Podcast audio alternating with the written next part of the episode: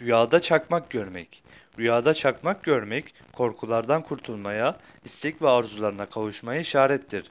Bir kimse rüyasında bir çakmağın yandığını veya yanıyormuş olduğunu görse, bu rüyası onun muradına ereceğine, istek ve dileğinin gerçekleşeceğine işaret olarak yorumlanır. Bir kimse rüyasında yeni bir çakmak aldığını veya yeni bir çakmağının olduğunu görse, bu onun sevinçli bir haber alacağına işaret olarak yorumlanır.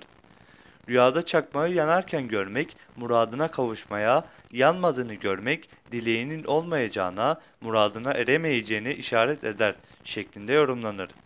Bazen de rüyada çeşitli hallerde çakmak görmek, güçlü olmaya işaret eder. Bekar biri için evleneceğini işaret eder.